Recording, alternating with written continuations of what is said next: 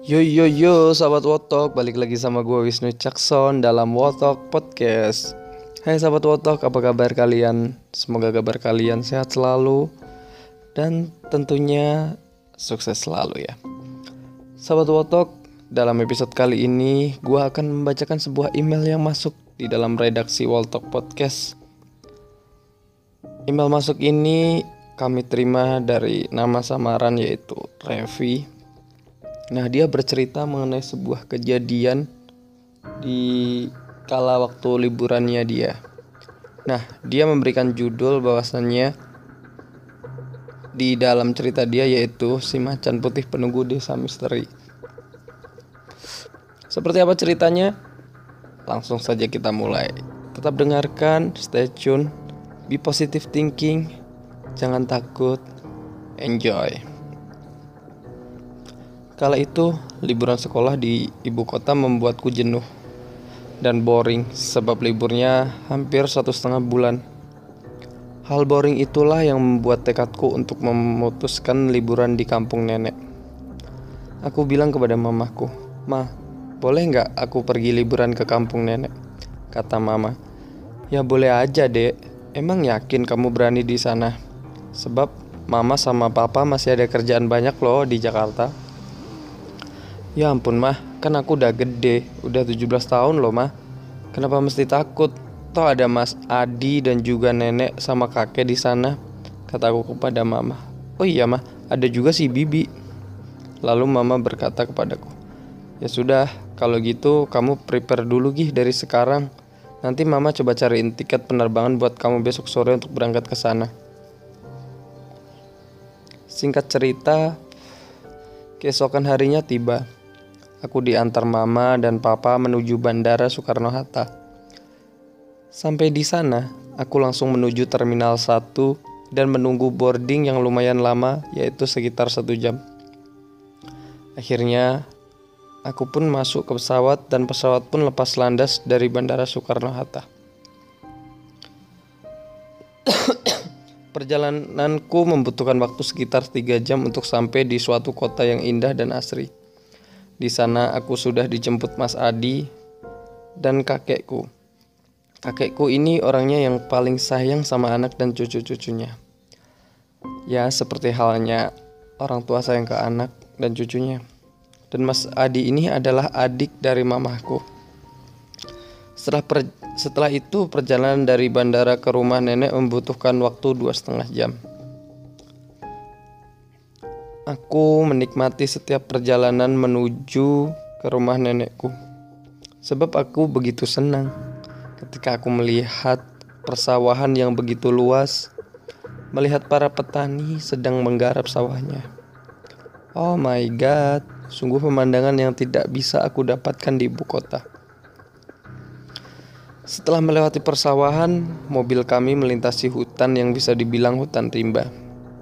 Dan sungguh tidak ada satu rumah pun yang aku lihat di sepanjang hutan itu.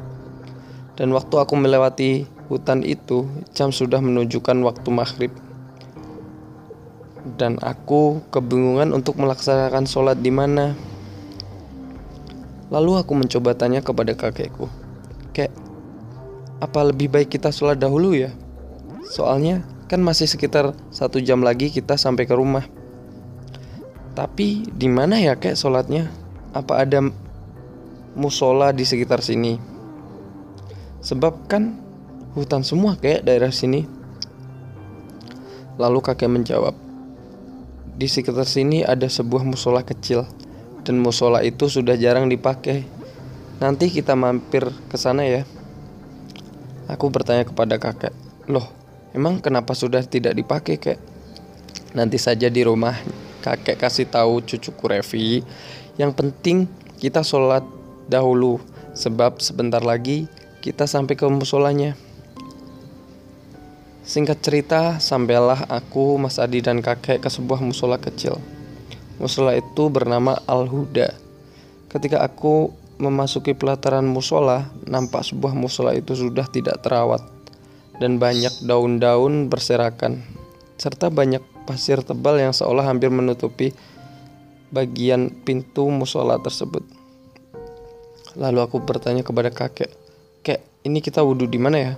Kakek kakekku pun menjawab, "Itu di samping musola, cu. Bergegaslah." Aku mengambil air wudhu. Saat aku mengambil air wudhu, aku mendengar suara seorang cowok minta tolong. Tolong, tolong. Nah, aku pikir itu kayak suara Mas Adi. Soalnya suara tersebut uh, berasal dari uh, dekat wudhu pria.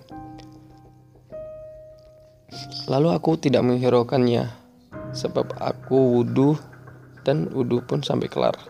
Setelah itu suara masih minta tolong terdengar di telingaku. Tolong, tolong, tolong aku, tolong aku. Aku lalu menghampiri ke arah suara itu dan suaranya tepat di sebelah tempat wudhu pria. Saat sampai di tempat wudhu pria, aku bertemu dengan Mas Adi yang juga baru kelar wudhu. Aku langsung bertanya kepada Mas Adi, Mas, Mas Adi, Mas Adi tadi ini ya minta tolong ke aku ya. Mas Adi lalu sontak kaget dengan muka yang bingung. Loh, bukannya kamu ya yang tadi minta tolong ke aku? Soalnya aku dengar suara wanita minta tolong di dekat tempat wudhu perempuan sana. Eh, aku pikir kamu. Lalu kami berdua panik dan langsung menuju musola itu. Dan di sana sudah ada kakek yang menunggu kita untuk sholat bersama. Eh, sayangnya aku lupa membawa mukena dan harus mengambilnya dulu di mobil. Lalu aku bilang ke kakek untuk menungguku sembari aku mengambil mukena di mobil. Saat perjalanan mengambil mukena di mobil, aku mendengar suara anak kecil kesakitan dan bunyinya seperti ini. Tolong, aduh sakit, tolong tanganku, aduh sakit. Suara itu terdengar jelas di kupingku, cuman aku tidak menggubrisnya. Saat aku mencari mukena, di dalam mobil ternyata mukena aku terselip di bawah tumpukan baju yang ada di koperku. Sehingga agak lama aku mengambil mukena. Saat proses mengambil mukena, aku melihat sesosok binatang putih yang sedang berlarian di antara musola tersebut. Cuman aku tidak menggubrisnya. Setelah mendapat mukena, aku langsung berlari menuju musola tersebut dan di sana kakek serta Mas Adi telah menungguku untuk salat. Akhirnya kami bertiga pun melaksanakan salat maghrib berjamaah. Ketika rakaat kedua, konsentrasiku hilang sebab aku mendengar suara aungan macan terdapat di belakangku. Aungan tersebut seperti halnya aungan macan. Uh, ah, tahlah. Dan hal itu membuatku takut. Lanjutlah sampai pada rakaat ketiga, tepat di samping kananku terdapat sebuah kaca yang dapat melihat keluar. Firasatku seakan mengatakan, "Lihat sini, lihat sini." Dan aku pun menengok ke arah kanan pada saat setelah selesai salat. Benar dugaanku. Ada seekor macan putih yang sedang menggigit seorang anak kecil. Sontak aku langsung lari melihat macan itu dengan anggapan bahwa aku bisa menolong anak itu. Ketika aku keluar, ternyata macan dan anak kecil itu tidak ada. Kakek dan Mas Adi langsung menghampiriku. Ada apa, Ref? Kamu lihat apa? Kata Mas Adi. Itu mas aku lihat seorang anak kecil lagi digigit sama macan putih. Dan si anak kecil lainnya Eh dan si anak kecil minta tolong ke aku, kata aku dengan nada setengah ketakutan. Lalu kakek memotong pembicaraan kita. Ya sudah yuk kita pulang aja, paling itu cuman firasat Revi aja. Akhirnya aku dan Mas Adi mengiyakan ajakan kakek untuk pulang. Mas Adi lalu menghidupkan mobil kijang kotak kesayangan kakekku. Eh, ketika mau dinyalakan, mobil tidak mau menyala. Ah, dasar mobil tua emang. Suka menjengkelkan, kataku menggumam dalam hati. Kakek mencoba melihat mesin mobil tersebut dan bilang kepada kami bahwa mobilnya oke-oke saja. Sebab kemarin sebelum buat jemput aku, mobil tersebut sudah diservis di dekat bandara tempat aku dijemput tadi. Lalu kakek berinisiatif untuk mengajakku mendorong mobil itu. Akhirnya aku dorong mobil itu bersama kakek. Tiba saat 20 meter aku dorong mobil itu dari musola, yang tadi buat kami sholat, akhirnya mobil tua itu bisa menyala lagi. Singkat cerita, kami pun sudah tiba di rumah kakekku. Di sana kami disambut oleh nenek dan juga Mbak Ani. Mbak Ani ini adalah pembantu rumah kakekku dan dia adalah seseorang yang mengasuh mama aku dari kecil. Eh, ada non Revi. Non Revi apa kabar? Kata Mbak Ani menyapaku. Aku pun menjawab Mbak Ani dengan kabar yang baik. Nenek pun mengajakku masuk ke ruang makan dan Mbak Ani membawa, membawakan koperku masuk ke kamar yang dahulu dipakai mamaku tidur saat mamaku masih kecil. Nenek dan Mbak Ani ternyata telah menyiapkan masakan makanan masakan kesukaanku, yaitu sayur sup dan juga keripik jengkol. Kemudian kakek, Mas Adi dan Mbak Ani menyusul aku dan nenek di ruang makan. Akhirnya kami pun makan bersama. Di tengah-tengah makan aku bertanya kepada kakek, "Kek, emang ada apa dengan musola yang kita tempati untuk sholat maghrib tadi, kek? Dan mengapa aku serta Mas Adi, Mas Adi tadi di situ mendengar orang minta tolong, serta aku melihat ada anak kecil lagi dimangsa oleh seekor macan putih. Nenek dan Mbak Ani tersenyum tipis seolah sudah biasa dan sering mendengar kejadian itu. Dan Mas Adi pun malah garu-garu kepala seperti monyet. Ah, dasar si Mas Adi ini. Lalu kakekku memberitahu kepadaku. Jadi, Nak Revi, dahulu ada sebuah desa kecil di dekat musola tersebut Dahulu namanya Desa Bumi Asri. Di situ terdapat 100 kepala keluarga dan di sana orang-orangnya sangat makmur karena memiliki sebuah peternakan yang lumayan banyak. Namun cerita akan kemakmuran itu tak lagi terdengar sampai sekarang sebab waktu kakek baru berumur satu tahun dan kala itu tepat setelah negara ini merdeka ada sebuah macan putih besar yang konon kata bapak atau kakek atau yang buyut kamu menjelaskan bahwa macan besar ini adalah penunggu kawasan hutan. Maksudnya adalah hutan di sini. Dan macan tersebut adalah peliharaan kesayangan si Dewi Durga. Dewi Durga ini adalah sosok misterius penunggu hutan belantara di kawasan ini. Waktu itu macan putih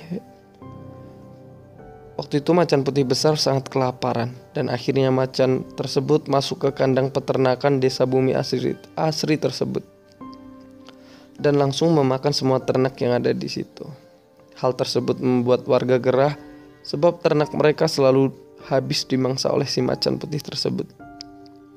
Suatu ketika, warga memasang perangkat untuk menjebak si macan putih ini dengan seekor kambing yang yang telah diikat di perangkat tersebut.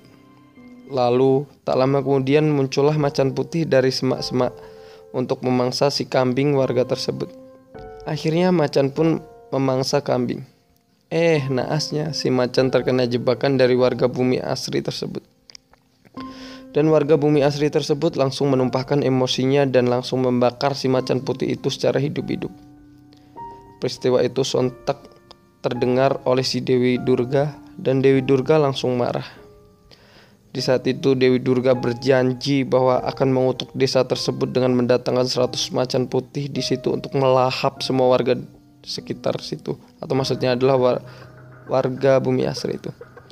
Hal itu benar terjadi bahwa suatu malam tepat pada dini hari dan bulan bersinar sangat terang, seolah menandakan bahwa hari itu adalah bulan purnama. Yang buyut kamu pergi berjalan dari sawah untuk membuka air saluran irigasi dan melintasi desa Bumi Asri. Ketika 100 meter sebelum melewati desa Bumi Asri, yang buyutmu melihat ada rombongan macan putih berlari dari area hutan menuju desa Bumi Asri tersebut. Lalu yang buyutmu sontak ketakutan dan bersembunyi di musola tempat kita salat maghrib tadi. Di saat itu, kata yang buyutmu bahwa macan itu memakan semua warga di sana dan juga memporak-porandakan rumah warga yang hanya terbuat dari bambu. Terjadilah di situ pertumpahan darah dari gigitan sang macan.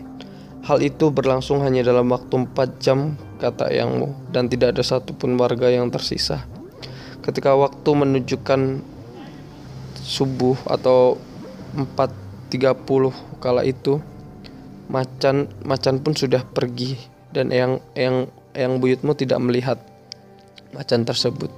Seketika sontak desa itu pun sudah menjadi desa yang hilang atau desa yang tidak berpenghuni dan berpenduduk. Nah, itulah tadi cerita mengenai si macan putih penunggu desa tersebut. Dan konon katanya kata Eyang Buyut bahwasannya Dewi Durga telah mendatangkan atau telah menyuruh salah satu seekor macan untuk menunggu si desa tersebut, si desa bumi asri tersebut.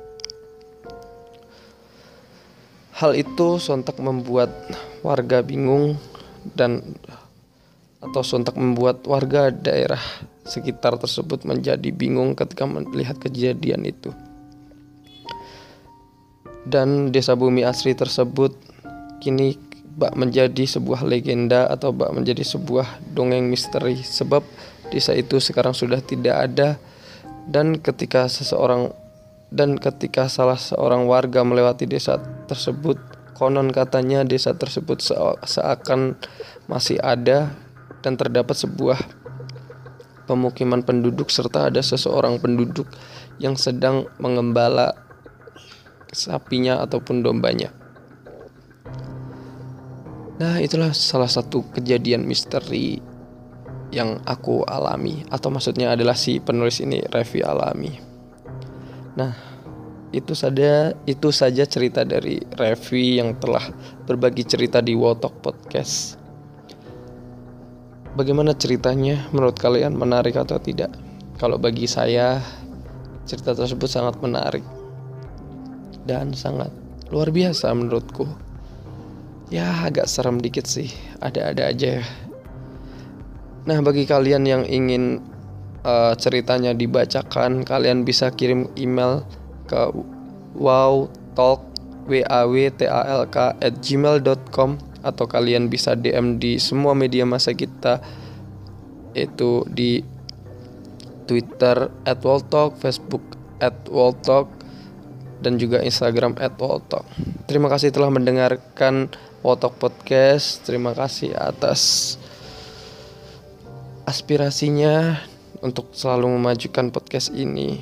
Semoga podcast ini dapat menemani tidur kalian atau menemani perjalanan kalian dan juga tolong bagikan kepada teman-teman kalian jika kalian merasa tertarik. Terima kasih semuanya. Salam sehat selalu. Salam dari kami sahabat Wotok. Salam anjay.